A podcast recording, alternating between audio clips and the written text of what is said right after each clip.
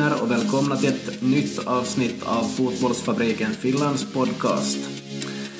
Fotbollsfabriken handlar om fotboll, det är utgångspunkten till allting. Vi tar också upp ämnen som sömn, kost, mental träning, fysisk träning, hälsa, välmående, idrottspsykologi, livet i stort med jobb och vardag och att bli framgångsrik. Vi som gör podcasten är jag, Peter Pesse Sigfrids och min kollega Magnus Manko Eriksson. Vi är två lärare från Vasa som har sysslat med fotboll på olika sätt så långt bakåt vi kan minnas. Vi är här för att utmana oss själva och dela med oss av någonting åt er. Hoppas du har det någorlunda bekvämt, oberoende av om du sitter i lugn och ro eller om du är ute och motionerar just nu. Höj upp volymen för Fotbollsfabriken Finlands podcast.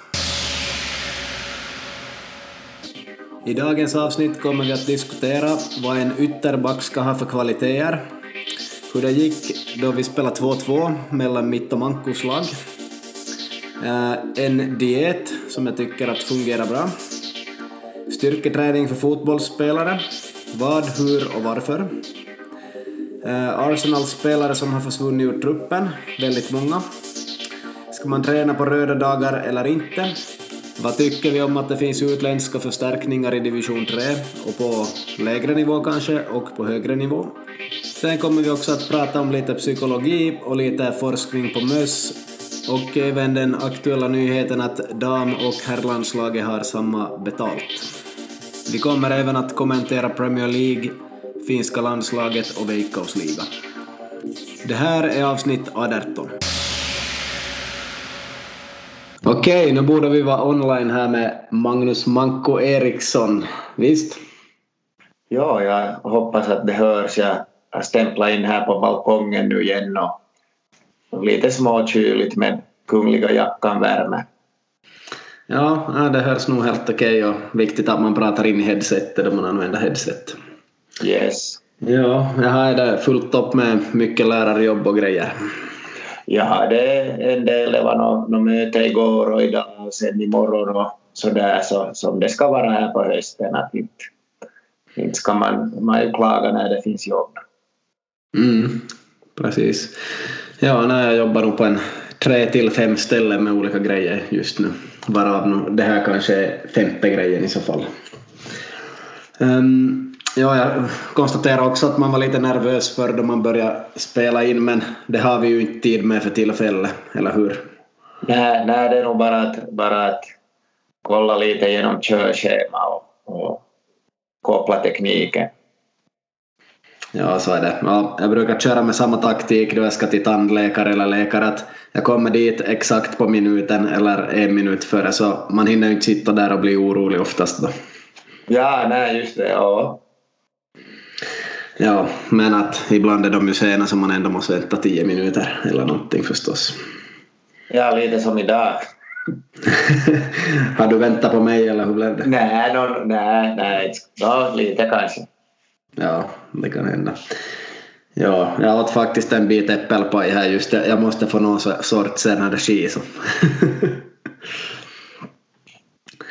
yes, det här, vi ska gå in på dagens första ämne. Och eh, vi kan börja med att diskutera då vi spelade 2-2 i vår match där vi möttes. Hur länge spelade du? Eh, jag tror jag hoppade in där i 87 minuten eller 86 kanske.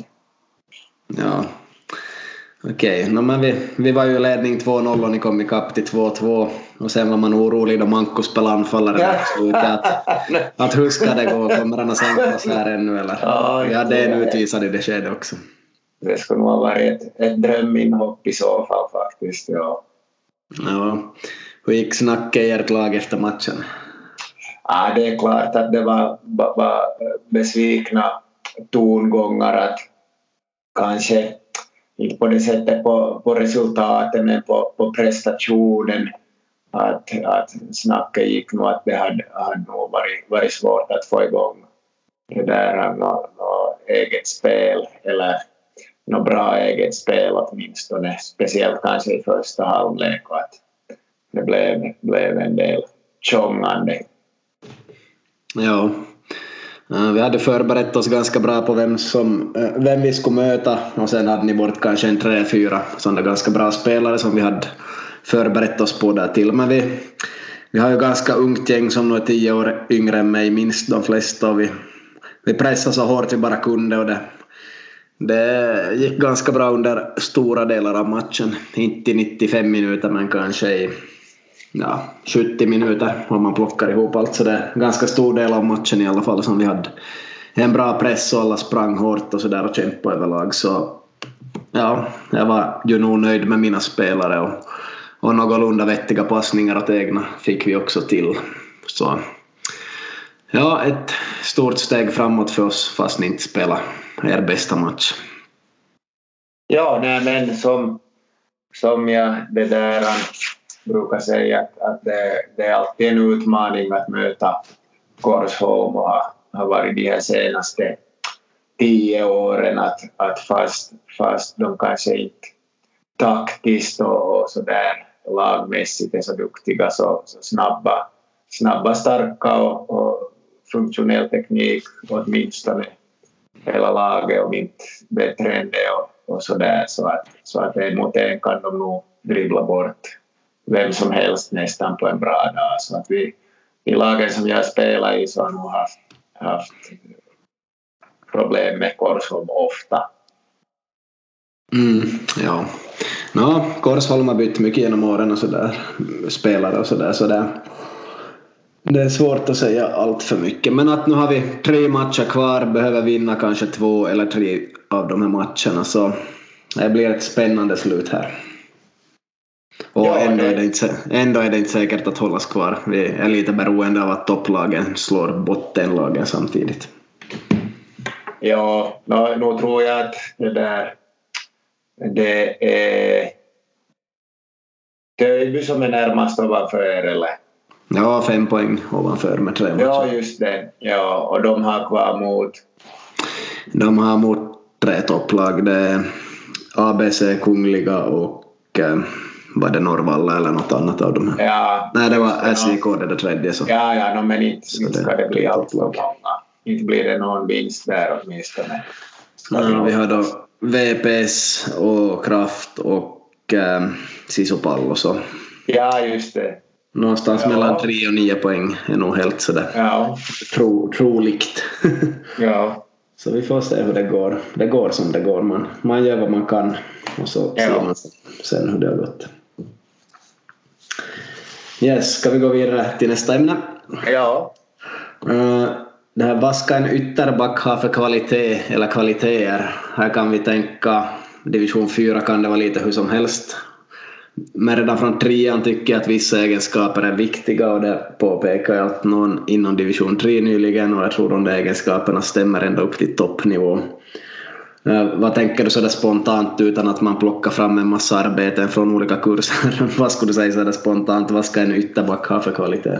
Uh, eh, ja, menar du uh, ja, om man inte på det sättet gör skillnad på en, så att säga, de här wingbacksen eller en, en fyrbackslinje så, så är det nog förr i tiden var det kanske viktigt viktigast att kunna försvara bra medan nu för tiden så ska det ju nog vara det där eh, äh, bollsäker och, och bra, bra att hitta passningar framåt samtidigt som man då ska åtminstone ha någorlunda bra positionsspel bakåt och, och kunna läsa spelet. Att, att det är väl nu så här i korthet vad, vad man kommer att tänka på.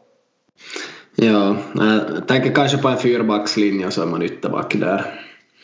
Där wingbacksen kan man hitta på hur mycket som helst med, men ja. lite, lite mer traditionellt, okej okay, det är fyra backar och du är ytterback. Uh, jag tycker du har ett bra poäng där och det jag skulle tillägga som är väldigt viktigt är att de är bra i en mot en och de är kvicka, explosiva och kan utmana. För det kommer att behövas i många situationer. Så jag skulle säga att det är väldigt viktigt. Så vad jag tipsar är lite framåtlutad, väldigt aktiv, explosiv. Gärna sådana som pratar mycket, eh, taggar till lite. Eh, gnälla på domaren om inkast, att det är vårt inkast och sådär liksom visar att man är väldigt aktiv och, och kan utmana också. Jag vet att det finns lag som har som taktik också att det är ytterbacken som ska utmana sin motståndare och gå förbi honom, eller henne förstås då, om det är damfotis. Och eh, genom det ska man som få få igång spelet för man har kommit ur pressen lite grann via den där första fintningen som ytterbacken gör. Man har kommit förbi en spelare och då kanske man är 10 mot 9 ovanför den då kan man tänka, eller någonting ditåt. Så just det där med att kunna utmana är nog viktigt, även om man inte har exakt den där taktiken. Ja, då, jag tycker det låter nog lite väl riskabelt det. Att kunna utmana som i speluppbyggnadsfasen. Mm, no, vissa kör med det faktiskt som en ja, okay. ganska gr grundläggande taktik men då har ja. Väldigt bra spelare där förstås. Ja, ja. Och någon sorts backup ifall de tappar bollen också. Ja. Eller så är ju den där en sån där som springer i kapp och kanske vinner tillbaks den eller hinner på defensiv sida. Ja. Så, så där extrem behöver man ju inte vara men överlag så där som jag sa att explosiv och kan utmana och är väldigt aktiv och allt det där. Så ser man då någon som har varit mittback och så finns det för många mittbackar och inga ytterbackar så man lägger någon Uh, rätt långsam, icke-explosiv som ytterback och som aldrig utmanar och som inte tycker så mycket om att stiga så då tycker jag att man är ute på fel spår. Det är klart, det är speciellt just om man har haft, haft den taktiken att man har använt ytterbackarna mycket. Det är kanske Jaro som vi har det här senaste exemplet på det att, att vi hade den här ena som, som vi tog in så, så har inte riktigt levererat och sen har det varit lite skador och Tjechko och Portin har inte velat flytta över någon, kanske främst Voldemort från vänsterbackens reservplats till högerbacken och då hade det antingen blivit den här Pavle eller äh, Brunell som har fått spela högerback då och, och det är klart det att det, det blir, blir annorlunda då, precis som du säger. Ja, och de flesta lag har ju nog oftast explosiva spelare att använda så man kanske måste flytta ner någon ytter eller någon anfallare eller någon, eller någon som skulle vara på bänken som var ytter eller anfallare. Så, så det tål att tänkas på för om man pratar om att hela laget ska försvara alla elva så då kanske också alla ska kunna anfalla i viss mån och inte att det är fyra backar varav nästan ingen kommer att tänka desto mer på anfallsspel. Ja, vi ska nu gå vidare och kommentera Premier League och Veikkausliga och lite andra fotbollsämnen. Uh, I Premier League så mötte ju Arsenal självaste Tottenham här i London Derby och uh, North London Derby med ett dåligt uttal ja, äh, norra Londons derby. Och äh, Tottenham ledde 2-0 och det blev 2-2. Har du sett highlights eller hunnit se någon matchen? Nej, jag har inte, inte sett någonting faktiskt. Lite har man nu läst in, läst in då det där dels, dels med laguppställningarna och lite situationer och, och Skys reporter visade något klipp på Kane då han föll så ja, det är kanske det enda jag har sett. Mm, ja, det var nog någon sorts filmning egentligen. Det såg lite pinsamt ut då de visade efter matchen åt Kane på en skärm och han stod där och skulle förklara det. Då märkte man nog att han själv också eh, innerst inne nog kanske tyckte att det var en filmning. Men men, men. Nåja. Men att eh, jag såg sista 20 minuterna så såg jag de här höjdpunkterna också. Så jag tyckte nog Arsenal såg ganska positiva ut, hade mer hönor, lite mer bollinnehav till slut än Tottenham och en hel del skott och chanser och sådär men också en viss dålig beslutsamhet här och där och, och att eh, Xhaka ställde till den där straffen var väldigt onödigt och han gör ju vissa misstag men, men å andra sidan gör han en del bra också så tudelat där. Och ja, framåt var ju nog Arsenal rätt okej ändå som gjorde två mål och hade, hade en hel del chanser.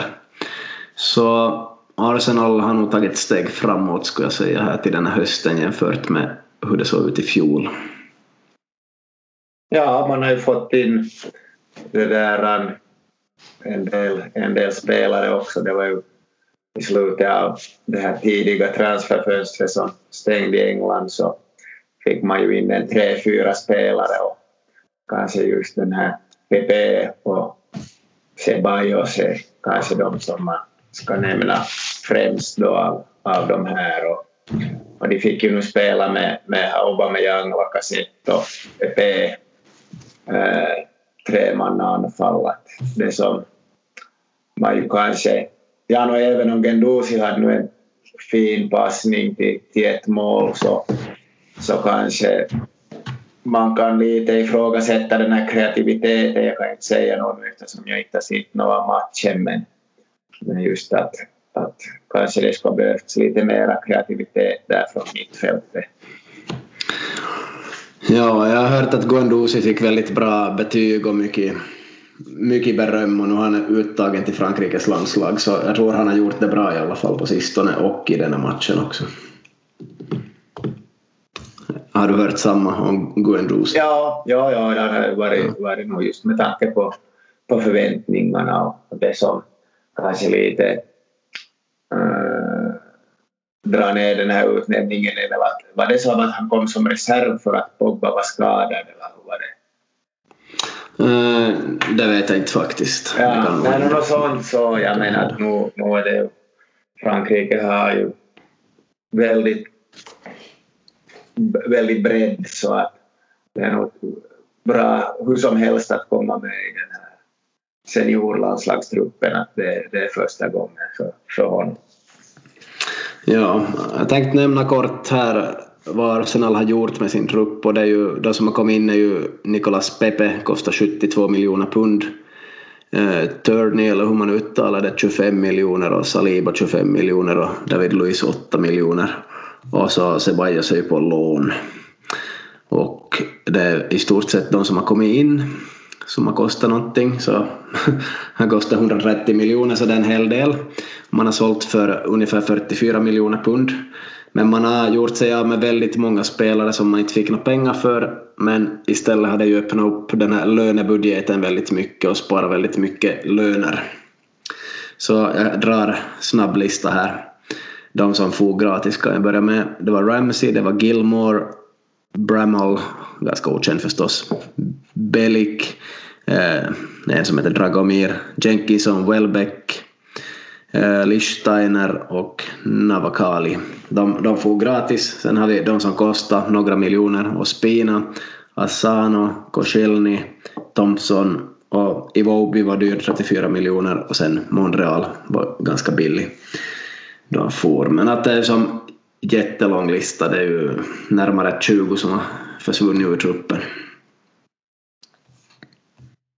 Ja, och det, det, det liknar ju kanske lite det här som Ole Gunnar Solskjaer håller på med också i United, att försöka lasta bort sådana som, som man inte ser kan tillföra det som man anser behövs.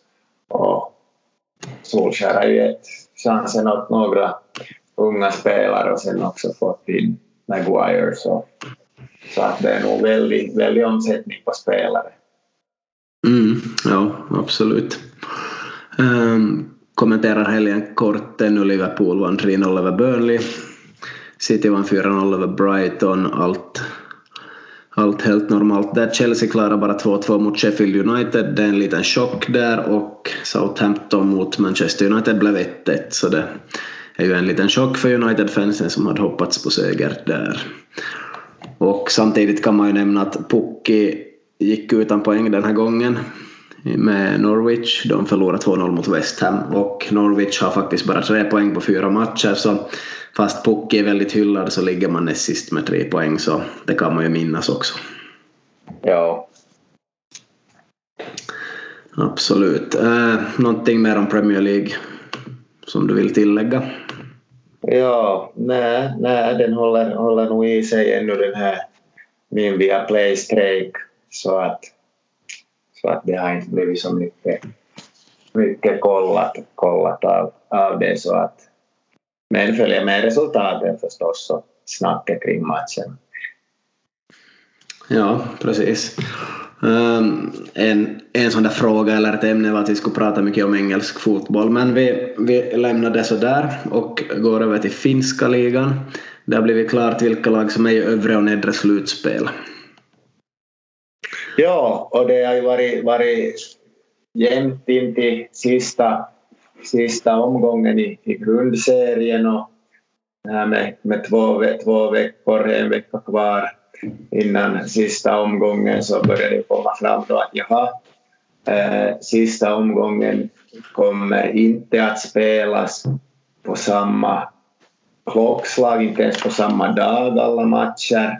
Så att det fick ju en hel del kritik det här Veikkaus liga då som har gjort ett sånt program. Vad tycker du för det första om det? Nå, helst ska de ju spela på samma dag allihop på samma klockslag men att det var inte möjligt av någon orsak och ja inte vi ju sådär superprofessionella som fotbollsland och det där är väl ett bevis på det. Ja, utan vi... Yes, och sen då har vi i nedre, nedre slutserien har vi sex stycken lag som tävlar om två platser till det här playoff om eh, kvalplats till Europa League och sen då den som blir sist så degraderas till division 1 och den som blir näst sist så kvalar troligen mot TPS i ett dubbelmöte torsdag och söndag efter att serien är slutspelad. Och de här lagen i nedre slutserien är då VPS, KPV, SJK, Lahti, ROPS och Helsingfors IFK. Och då de här sex lagen som är i övre slutserien är ju då eh, KUPS, Inter, Honka, HJK, Mariehamn och eh, vad blir det sista? Ilves. Ilves, kyllä. Så att, och där, där är det väl är det Kups och Inter som är förarsätet kanske. Ja, Inter leder med två poäng före Kups och Ilves. Ja, och HJK får, får tufft att, att åtminstone vinna. De, de kryssar ju med Rops här i sista, sista omgången så att det, det hade man nog inte alls räknat med. Ja, precis. VPS slog HIFK med 3-2 här på hemmaplan och är lite på gång. Ännu en poäng efter KPV så det blir väldigt spännande. Och VPS och KPV möts ju i sista omgången.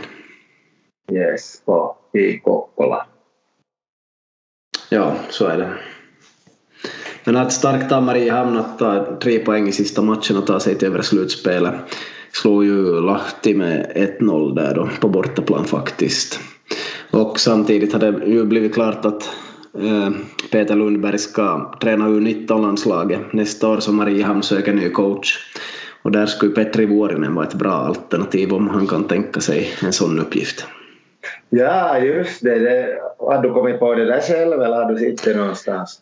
Det där har jag kommit på själv nog. Så. Ja, men det kan nog, det kan nog vara en bra, bra scouting. Kom ihåg var ni hörde det först. Ja, jag tycker han skulle passa in av flera orsaker men vi, vi kan återkomma om det händer. ja. ja. Ska vi lämna finska ligan i och med det där? Ja. Yes, vi är klara där och vi ska gå över till nästa ämne där jag ska berätta om min diet. Och nu tror folk att de ska höra någonting väldigt spännande och häftigt som precis som i alla skvallertidningar men uh, det är egentligen bara så att um, man äter ju på ett visst sätt som man inte är nöjd med och då tycker jag man kan minska lite på allting. Kanske inte minska så mycket på vanlig mat, husmanskost och det där utan minska ner lite på det som inte är hälsosamt. Minska ner på chips till exempel. Har man ätit 200 gram per vecka eller någonting så köp bara en liten 80 grams påse det kanske inte är ekonomiskt det bästa men det löns för hälsan. Har man köpt en 400 grams godispåse per vecka så köper man kanske en 100 grams eller sådär. Så sluta inte med allt utan minska ner på det så, så blir det lättare och bättre. Och är du inte nöjd med hur mycket du har tränat så öka på lite där då. Eller gör det på ett bättre sätt eller mer ofta eller någonting. Men just de här grejerna har nog hjälpt mig mycket för att komma i bra form och just nu är jag i bästa formen på, på väldigt länge och det är också tack vare fotbollen som nog ger en väldigt hög puls och hög fettförbränning. Har du kommentarer kring det här? ja, nej, det där det, det låter nog vettigt just att, att hålla, hålla upp en motivation genom att hålla kvar lite sådana godsaker och ta bort den helt. Att det är ju just det bara, bara man, man har ryggrad till det så låter det nog bra. Ja, för det mesta det, om man prövar någonting annat så går det oftast åt skogen för försöker man ha sån där nolltolerans så man klarar inte så länge oftast. Säkert vissa människor men det är inte många som klarar det. Nej, och det är ju just som, som vi brukar säga här att vi är ju olika och det gäller att, att hitta det som passar för en, en själv. Inte vet jag procentuellt sett så kanske den här din din teori passar kanske för 70 procent av befolkningen utan att för den sakens skull ha något forskningsunderlag. Mm, ja, men det är höga siffror. ja. Uh, vi pratade lite om möss här tidigare, vad de gjorde och inte gjorde, men i alla fall hade vi ännu en grej om möss som jag var ganska intresserad av. Det, det hade också kommit fram att möss som drack socker gick upp i vikt. För de åt ungefär lika mycket som vanligt. De fick väl också äta sockerbaserade och skräpmat och allt sånt här. Och eh, ja, no, i alla fall fick de socker i sådan form att de kunde dricka det så gick de lätt upp i vikt men om de åt någonting sockerbaserat så då minskade de på annan mat och höll ungefär samma vikt. Så det här tror jag nog också att kan stämma på människor ganska bra att linsa är väl nog en stor bov och förstås de här energidryckerna och annat som innehåller socker. Medan att äter man mycket socker så nog känner man ju det också att man inte orkar äta lika mycket mat så på det viset kanske man tappar lite kalorier från den där maten. Vilket inte är så bra men att det blir säkert värre om man dricker dem än om man äter dem, de här ja, sockerprodukterna. Ja, nej, det, det tror jag nog det där stämmer. Jag undrar, undrar, undrar bara hur, hur det är just med, med linsa och sånt. Att dricks det, dricks det nu Att man köper, köper sig en och en halv liters Pepsi. Vad skulle du, har du någon fingertoppskänsla kring det här? Att, att, har man inte kommit ifrån det eller finns det nog kvar ännu? Mm, jag tror många kommer ifrån det och visar det i sociala medier. Eller inte många, men några. Och då får man den bilden medan de som inte har kommit ifrån det inte visar det och de är väl nog säkert jättemånga så jag kan nog tänka mig att det ändå är ganska populärt att ha stora förpackningar. Samtidigt hörde jag att i USA har det varit populärt att köpa kanske två liter eller tre liter limonad förr. Sen försöker man förändra konsumentbeteende och de, då har man som med Coca-Cola försökt få konsumenten att, att släcka törsten med vatten och vill man ha en god smak så ska man dricka Coca-Cola. Så de började sälja en deciliters Coca-Cola-burkar. Och det visade sig att folk gick med på det här. De tänker som att det här är något positivt så de drack vatten för att, bli, för att släcka törsten och så köpte de nu som då en deciliter kokis och drack det då. Och det här gjorde att Coca-Cola ökade sin försäljning med, med x antal, säkert miljoner. Så det var ju en ganska häftig kampanj. Ja, det, det var ju bra för, för alla parter det nästan. Ja, sen vet jag inte hur många en deciliters de har köpt och druckit men att ja, det låter ganska bra i alla fall. Jo, det faktiskt här i, fredags på på en restaurang här i, i trakten nära oss vid, vid Sandviken. Det liknar nästan en, en villa det här huset. Så for dit och, och så skulle jag ta en, en stor limsa men, men de hade inte någon så jag tog två små då så det blev 7 euro då. Ja. Stort glas läsk så länge som som flickan, flickan sov i vagnen så funkar inte riktigt på mig med små, Mm, små glas- glasglas. Ja. Sen en sån här fråga om styrka, att äh, vad ska fotbollsspelare göra i gymmet, vad ska de träna för styrka? Äh, nå, vi fick den frågan för någon dag sedan och jag skrev då också att det finns ingen klar bevisning på vad fotbollsspelare ska träna för styrka. Det finns inga vetenskapliga bevis på vad som är exakt bäst. Så egentligen kan man inte besvara den här frågan. Och Äh, vad, hur, varför tänkte jag vi skulle spekulera lite i här, men vi, vi låter Manko börja. Ja, om, om vad? Eller vad tänkte du? Ja, vad, vad skulle du säga att fotbollsspelare ska styrketräna? Uh, ja... Nå, Lite spontant, inte behöver vi gå in på Ja. desto Ja. mer. Nej, just hur det där jag måste fundera lite Äh, här. Nå, det, det är ju nog, nog det där äh, för att, för att få det där äh, explosivt äh, löpsteg samtidigt som man, man, man det där bibehåller en snabbhetsuthållighet och, och kan göra riktningsförändringar. Så att, så att nu är det väl just, just säkert det här framsida lår, baksida lår och, och magen och ryggen säkert. Mm. Ja. Jepp. Um, hur skulle du säga att man ska träna? Ska det vara explosivt som jag skrev där eller kan man göra något långsammare också? Ja...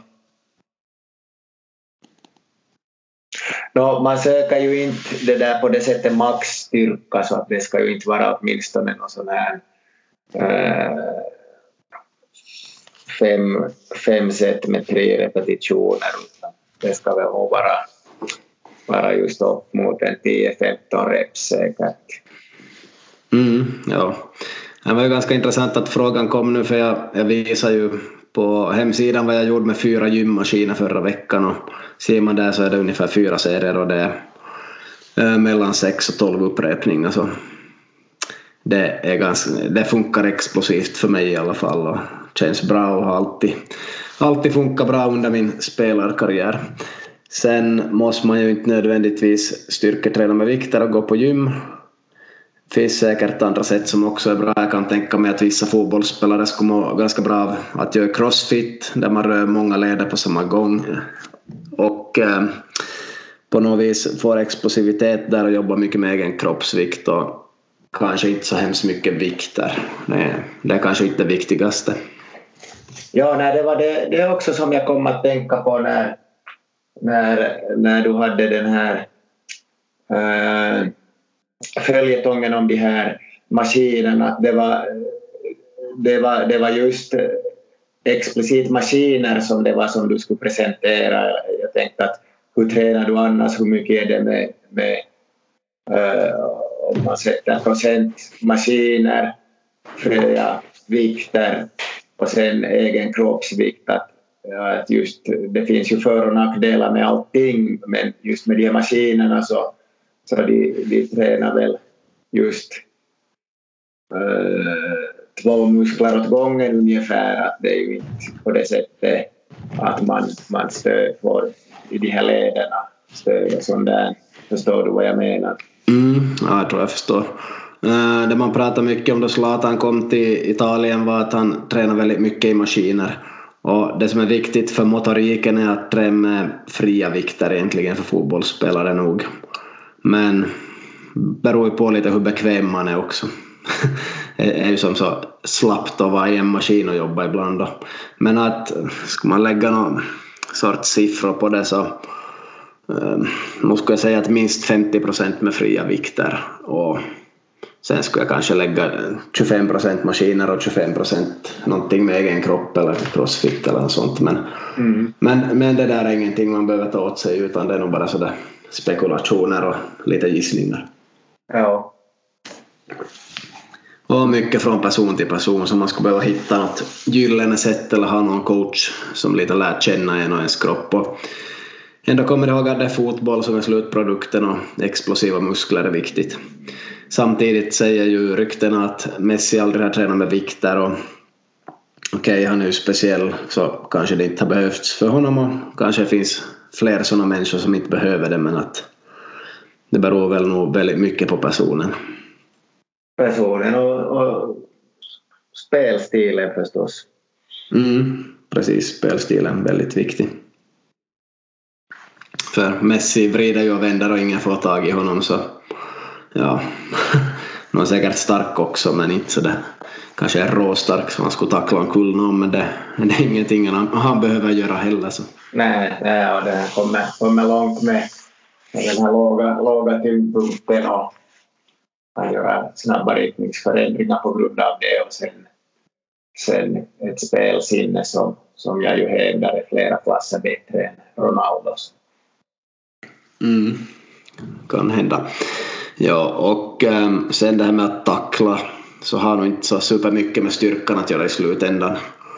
Äh, en viss timing, en viss teknik och en, ett visst självförtroende kan räcka långt så kan man nog tackla omkull någon som eh, är 20-30 kilo tyngre än en och säkert tar 30-40 kilo mer på alla maskiner eller med fria vikter. Det, det beror bara på lite på en viss skicklighet. Så fotboll är fotboll och allt det här är spekulationer kring vad man ska träna eftersom det inte finns några vetenskapliga bevis för någonting så det rakt av.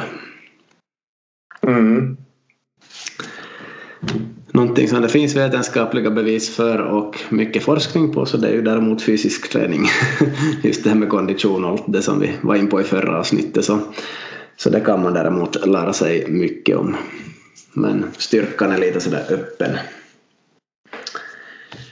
Yes, ska vi lämna det där ämnet med styrka? Yes. Ja, inte vet jag om vi gör någon bra åsnebrygga här nu men vi ska hoppa över till lite psykologi som kanske också kan eh, höra ihop med styrkan. Och det är kanske det här att jämför inte din process med någon annans resultat. Det gäller ju kanske unga spelare som snabbt vill att saker och ting ska hända nu händer saker och ting snabbt i dagens värld ofta och så där. Men att ser man på någon som redan är tre år äldre, fem år äldre eller tio år äldre så de har kanske gjort ett otroligt stort jobb som den här unga spelaren har framför sig men, men inte förstår att man måste göra innan man är där helt. Så jämför inte din process med någon annans resultat utan fortsätt med din process och så kommer ditt resultat sen. Eh, jag eh, måste ändå säga är ganska intressant med det här att det sägs att Picasso satt på en restaurang, det behöver inte stämma men så kom någon med en servett och sa att kan du rita någonting här? Så sa han ja okej okay. och så ritade han någonting på en servett, det tog 20 sekunder så sa han att kan jag få den där servetten? Så sa Picasso att ja, två miljoner. Sa han att varför skulle du få så mycket betalt för någonting som du har gjort på 20 sekunder? Så sa Picasso att no, för det tog 50 år att komma hit och bli så här stor. Mm. så där ser man att det ligger ett stort arbete bakom. Ja. Det är en ganska häftig historia. Jag hörde den i Framgångspodden här för någon vecka sedan också. Där kan man ju tänka samma sak också att det tog så länge att komma hit så nu ska man ha bra betalt. Samma för en lärare till exempel. Vi har kämpat med en eh, avhandling, ett slutarbete varenda dag i ett halvår. Och vi har gått kurser och vi har studerat fem år så nu ska vi ha bra betalt. Även för kort arbete. Vilket, ja, bra betalt i förhållande till någon bransch i alla fall. Så, så om de är avundsjuka kan de ju se hur mycket jobb det ligger bakom. Ja. Och, och sådär och i, i alla branscher på det, på det viset. Och man, man måste få bra betalt om man har jobbat hårt för någonting.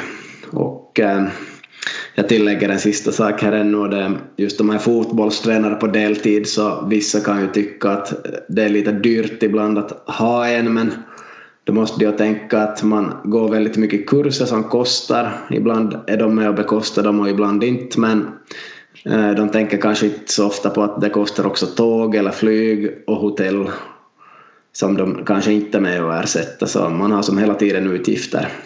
Om man inte har SJK eller någon annan arbetsgivare i bakgrunden. ja, så det är kanske lite som, som det här med, med musiker och artister och frilansjobb i, i allmänhet också. Just att man måste tänka på, på att det, det är semester och sjukförsäkring och material och utbildningar och allt som, som ingår i den här kostnaden. Ja, det där med musiker är ju nog intressant också. Till exempel då, där skulle ha en till, till vårt bröllop för några år sedan här så okej, okay, någon ska komma in och spela kanske två timmar och ska ha en ganska stor summa så tänker man okej, okay, du har bra timlön men den samma personen har ju kämpat hela sitt liv och måste förbereda låtar inför kvällen och allt möjligt. Så det, det, är lite mer än man ser bara, det finns alltid en bakgrund bakom många yrken och skickligheter. Ja. En, en bakgrund som har kostat pengar också förstås. Och så, där, så. så allt möjligt kring det. Um, vi kan ta upp en fråga som kom.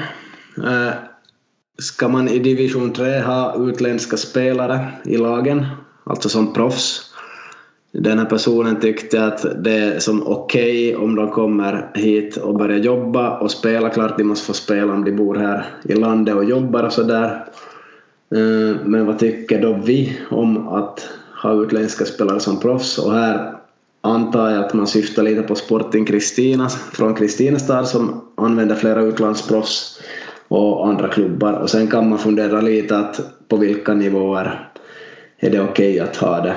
Vi har lite varit in på det någon gång för det här ämnet men vi kan ju kommentera åtminstone kort här igen.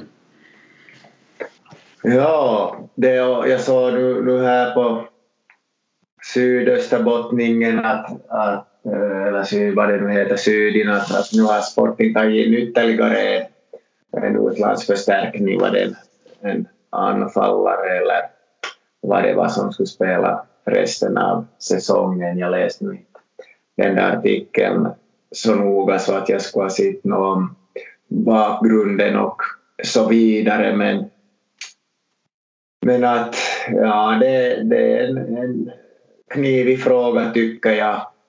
Eh, just då man själv spelar division 2 så då, då tyckte man ju kanske att där till och med var det lite onödigt och, och just sådana lag i norra Finland som, som hade, hade det där äh, 6, 7, 8, 9 utlandsförstärkningar, äh, att, hur, hur förde den finländska fotbollen framåt och så vidare. Det höjer ju nivån men att på samma gång så tar det ju platsen av en, en kanske ung och lovande junior äh, men på mindre orter så kanske man inte får fram heller Eh, så mycket på det sättet bra spelare som skulle klara sig på en viss nivå så att det, det krävs att man tar in en, ett par, tre förstärkningar för att klara sig på den där nivån. Så ska man då vara på den där nivån eller, eller ska man köra med, med eget på, på någon nivå lägre? Att jag, jag, jag tycker inte att, att att jag äh, har riktigt bild bestämt mig ännu vad jag tycker om, om den saken. Mm, ja. No, den här personen frågar våra åsikter så jag ska nog ge någon åsikt. Uh, division 4 absolut inga utländska förstärkningar. Division 3 no, jag förstår de här vissa orterna att de kan behöva någon för att få ett slagkraftigt lag och har man då kanske en åtta duktiga eller tio duktiga egna spelare, varav någon förstås är skadad eller borta ibland, så tycker jag väl att det kan vara okej att ha en eller två också i division 3 som är utlandsproffs och inte gör något annat än spela fotboll. Redan det är ganska tufft att ha en eller två tycker jag. Men okej, okay, ha det då om ni vill. Uh, samtidigt tycker jag att de här pengarna man kan satsa nu, jag vet inte hur många Sporting har på lönelistan av sådana utlandsproffs men flera och det kostar jag kan inte tänka mig att det kostar under 20 000 euro det som de har Och samtidigt ser jag att de har sex spelare från Kristinestad i ABC Strömsö, en division lägre. Skulle man då satsa en del av de 20 000 på att öka trivsel och kanske betala kilometerpengar och det ena och det andra kanske man skulle ha de där sex egna spelarna där och de skulle klara sig bra i trean ändå. Så på det viset tycker jag nog man ska satsa mer på det där egna och kanske annars ta från grannbyn Närpes några no spelare in och eventuellt från Vasa som Kraft gjorde förr i tiden. De hade en, en sorts minibuss. Jag vet inte, rymdes det sju eller nio personer där och det får ett gäng från Vasa varje dag till träning och, och så där. Kostar förstås x antal tusen lappar i året men att hellre ta från Vasa då än att ta dem från Kroatien eller någon annanstans ifrån tycker jag och så där, speciellt i trean. Eh, då vi spelade i tvåan förr, både jag och du och andra, så jag tror att de flesta, fast det var mest egna spelare, tror att de flesta tyckte att det var roligt att ha en eller två utifrån som kom in och höjde nivån då. Och ja, fixa bättre filis, fixa bättre lag, fixa bättre spel. En eller två spelare, helt okej. Okay. Blir det tre eller fler så tar de kanske lite över kan jag tycka. Sen i division 1 tycker jag nog att man kan ha flera, kanske en fyra stycken eller någonting. Sen känns det som det blir ganska mycket. Och i ligan, inte vet jag exakt var jag skulle lägga gränsen i ligan, men kanske en sex stycken i truppen och tre, fyra på plan tycker jag att skulle vara högsta man ska ha. Men att där blir det knepigt på den där liganivån. Men jag tycker inte att det bara ska vara som en produkt man säljer med massa utländska utan äh, finländskt till en viss del. Och vi är ändå inte så stort fotbollsland och vi kan inte göra som i Premier League och bara ha nästan mm. utländska spelare. Så ja, lite tudelat där högre upp men ganska klara åsikter här lägre ner tycker jag. Eller hur lät det? Ja, ja, ja. Så, vet jag, fick du några mer tankar e- efter vad jag sa eller? Ja, när jag läste, är det så att i damligan har man något att man får ha bara tre utländska eller, eller hur är det? Jag tyckte då IK Myran hade någon amerikansk målvakt som reste hem och så tog man in en finländsk och så sa tränaren någonting om att, att nu behöver man inte fundera att vem som ska stå över en match. Så mm, kan nog tänkas. Ja. Får, får kolla upp det lite men att det är ju just den här vågskålen att vad är, vad är syftet med det här och att, att det där få, få en bra produkt men till vilket pris och få intresse och sådär. Att är det genom fina resultat eller är det genom bygdens söner eh, eller är det genom attraktiv fotboll eller vad är det riktigt? Så, så att, att det är ju lite sån där evighetsdiskussion om, om värdegrund kanske som, som det gäller. Ja, nej. Absolut, och kul att de har en bra budget där i Sydösterbotten bland annat för division 3 eller division 2 fotboll. Speciellt i trean har de hög budget. Men att ni fick ju några tips av mig, tycker jag. Vi kan hoppa över, vi ska gå in på damfotboll i något avsnitt senare här i månaden men kan bara nämna kort att äh, finska herrlandslaget och finska damlandslaget får nog samma ersättning och bonusar per år. Och det är ju så att herrlandslaget går på plus en hel del och damerna gör väl inte. Men samtidigt kan man ju tycka att det också ska satsas på damfotboll i det här landet. Både med de pengarna och kanske från landet någon sorts pengar, jag vet inte. Så nu ska det ju få kosta damfotboll också men nåja, vissa tycker att det här är det enda som är rättvist, vissa tycker något annat. Och vi har haft den här diskussionen om hur det är i Sverige och sådär. Men att det känns väl helt okej okay och jag tror de här finländska herrarna klarar sig ekonomiskt bra ändå. Har du hört om det här någonting speciellt? Nej, men, men precis som du säger så, så det är ju en, en, en just bra, bra tanke och inte, inte de, som är i herrlandslaget så klarar nog sig ändå. ja.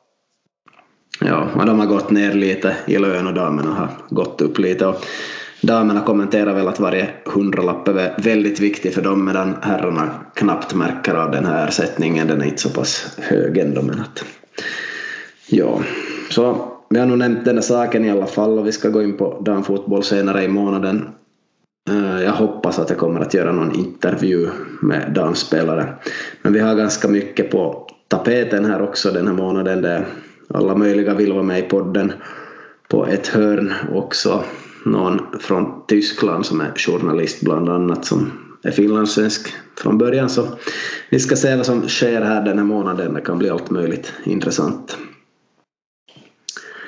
Eh, tänkte ännu berätta bara att eh, både i undervisning och inom fotboll kan man ju bra ta vara på sådana sju intelligenser eller nio olika intelligenser som det finns där man kan påverka människor på olika sätt.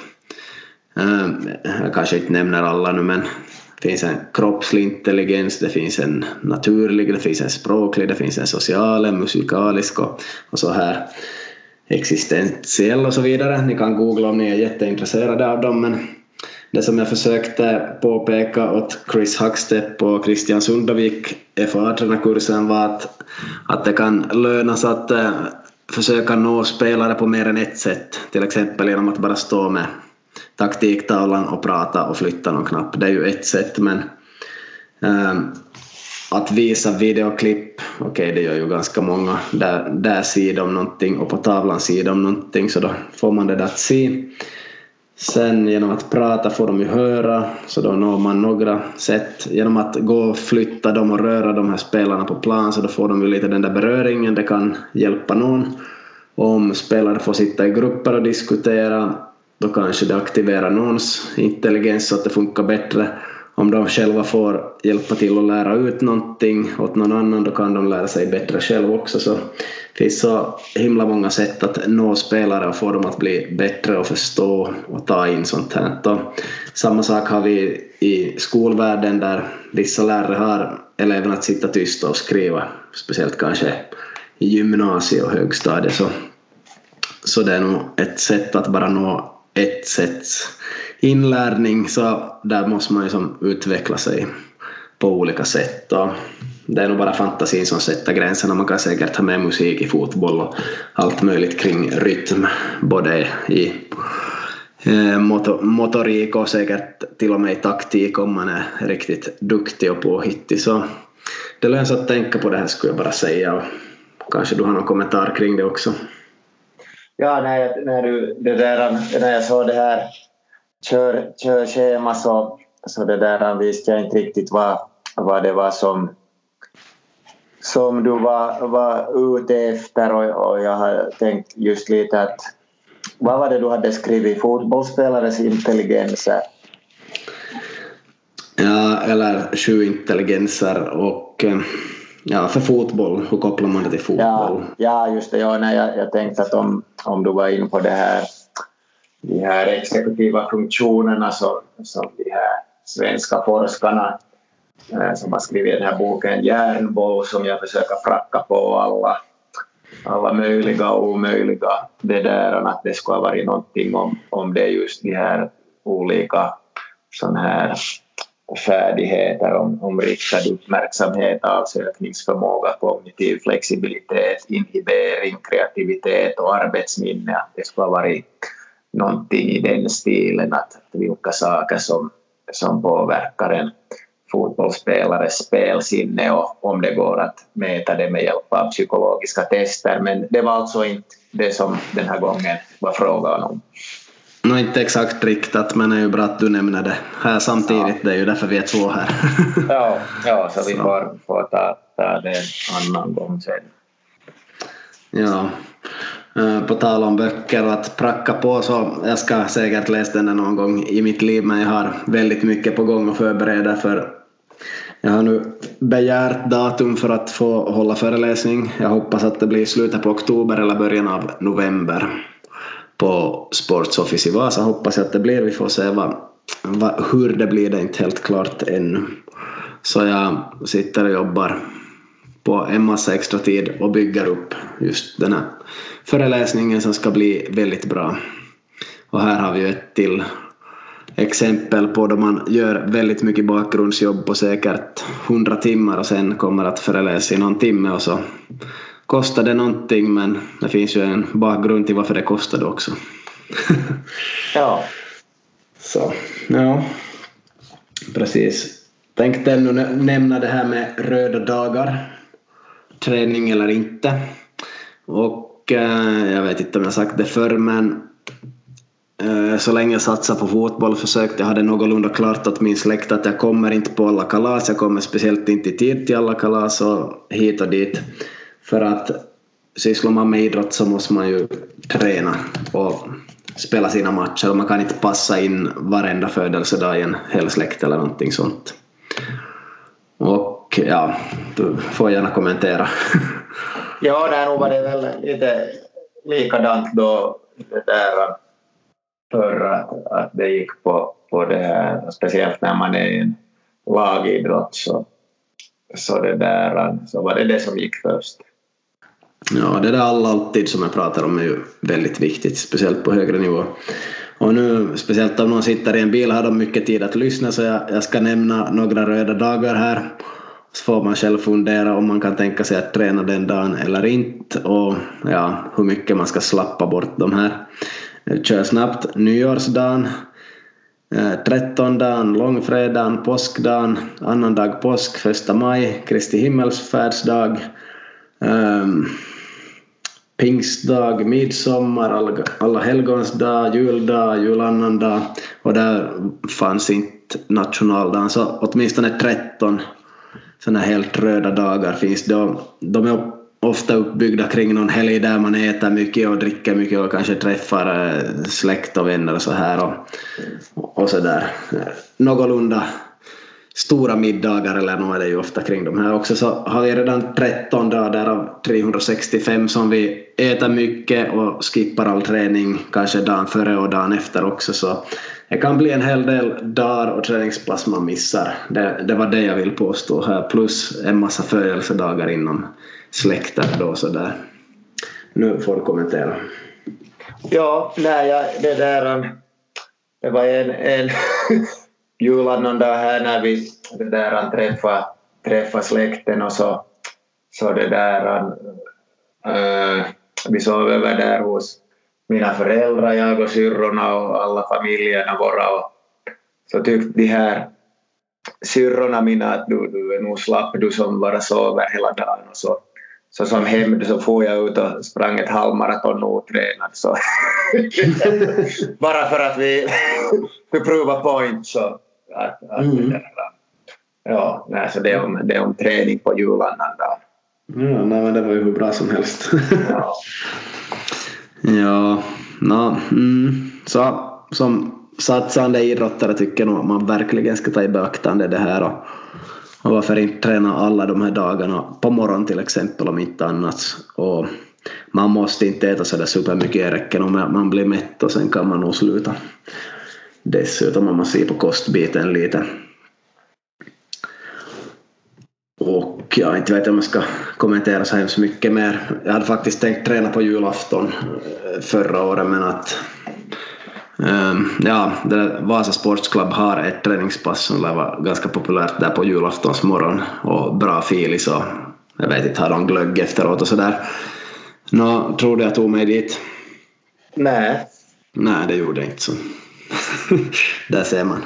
Men att som satsande idrottare så ta i beaktande de här 13 dagarna och alla bekantas födelsedagar och allt sånt här. Då skippar ni all träning den dagen och dagen före och efter och så där så ni tappar otroligt många dagar per år.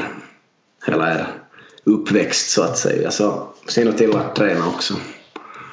Så röda dagar, ett litet varningstecken där. Och ibland då jag tar över ett juniorlag brukar jag prata om de här födelsedagarna och mommos 60-årskalas okej okay, kanske men då någon fyller ojämnt och sådär så fundera om det är värt att missa en träning för det eller, eller om ni hinner med både och eller kan komma för sent eller om ni inte alls far och, och sådär så gör man många felaktiga beslut eller många sådana prioriteringar kring just sånt där födelsedagar och annat så till slut har man fått en hel hop med dagar som man har misskött sig kanske med att träna och äta eventuellt. Så det var nog det jag ville få fram. Ja, eller så, så planerar man så att man kör ett stenhårt pass före och så att man behöver den där återhämtningen. Lite som en... för att förstöra din teori här. Mm, ja. No, jag brukar ju ha lördagar som vilodag så då, då ser jag ju till att jag har tränar ganska passligt på torsdag och fredag oftast. Till exempel. Det, det är sällan att jag skulle ha vilat två dagar före min vilodag. Då hade det nog varit fel någonstans. Och ganska ovanligt att jag skulle mm, vara otränad dagen efter min vilodag också. För jag försöker ha en eller högst två vilodagar per vecka ännu i dagens läge. Jag försöker, försöker ha det där en eller två träningar varannan vecka. ja, naja. ja, no, det, det är sådär. sådär. Motion ändå. Du, du har väl gymnastik som lärare? Ja, jag har en 10-12 timmar i veckan. Ja, det är en hel del så. Ja. Allt behöver inte vara sån där organiserad träning eller planerad träning att nu ska jag göra exakt det här eller sådär. Och för mig, för mig är det nog också väldigt mycket arbete utomhus som, som ger träning. Jag behöver inte alltid fara exakt till en fotbollsplan eller något sånt för att ha tränat. Och sådär. Yes, vi har ju kommit igenom det mesta här idag. Ja, det, det där var effektivt jobbat. Ja, och eh, hur har det gått med din sömn? Har du gått och sova i tid här? Faktiskt eh, måste jag nu säga att, att igår så gick jag till sängen Äh, tio och så kanske jag somnade halv elva och sen, sen hade jag, skulle jag ta bussen fyra över sju och så jag steg upp kvart över sex.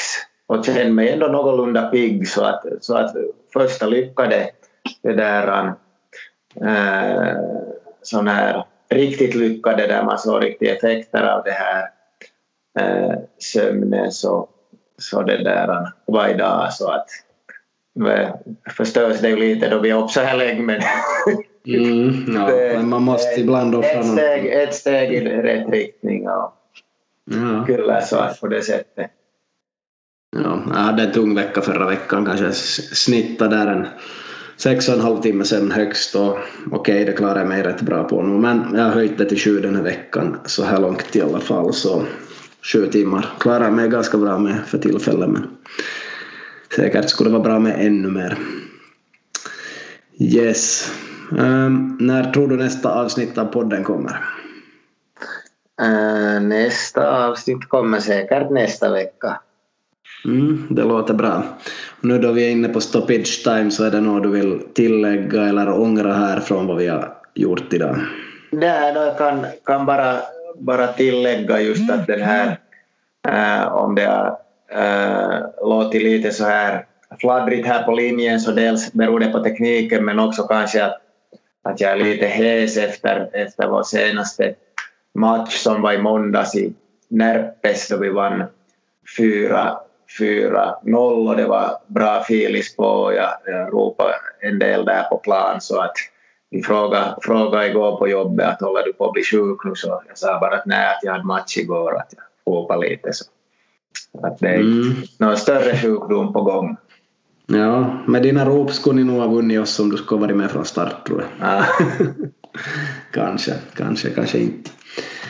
Ja, jag har ju klarat mig bra med mina gula kort. Jag har inte fått några fler här ännu och tre matcher kvar så skulle jag ta gult kort i två matcher och bli avstängd sista matchen men det tror jag ju inte att händer. Så det ser ut som man kan få spela till slut. Och i den åldern njuter man nog av varje match tycker jag. Och man vet att nästan varje match kan vara den sista på länge för inte vet jag om jag är rädd för skador men det kan vara annat att ja, man kan få sparken då man är coach. Plus att eh, ja, det kan vara annat i livet som kommer att prioriteras eller någonting så att äh, jobb och annat så man, man, vet aldrig så njut av varje match tycker jag alla ska göra och speciellt gör man det ju i, i den åldern tycker jag eller känner du likadant eller? Ja exakt likadant. Mm, bra. Det är fint. Yes, men vi tackar våra lyssnare som vanligt och jag tackar dig som har offrat lite extra av din sömn här. Och ja. Yes, hemsidan är på väg att få en ny header, alltså en bild där uppe. Jag har själv varit med och designat den och nu ska vi se om vi får ihop den av en webbdesigner så den blir riktigt trevlig hoppas jag.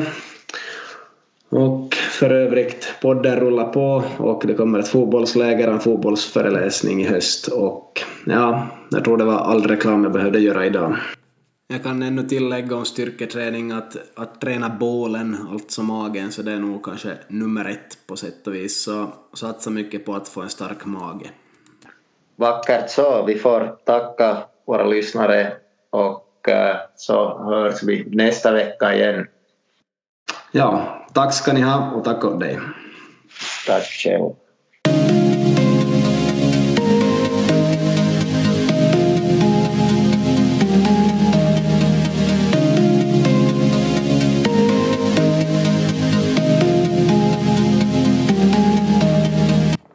Dagens avsnitt gjordes i samarbete med Rönn Liikennekoulu Trafikskola www.run.net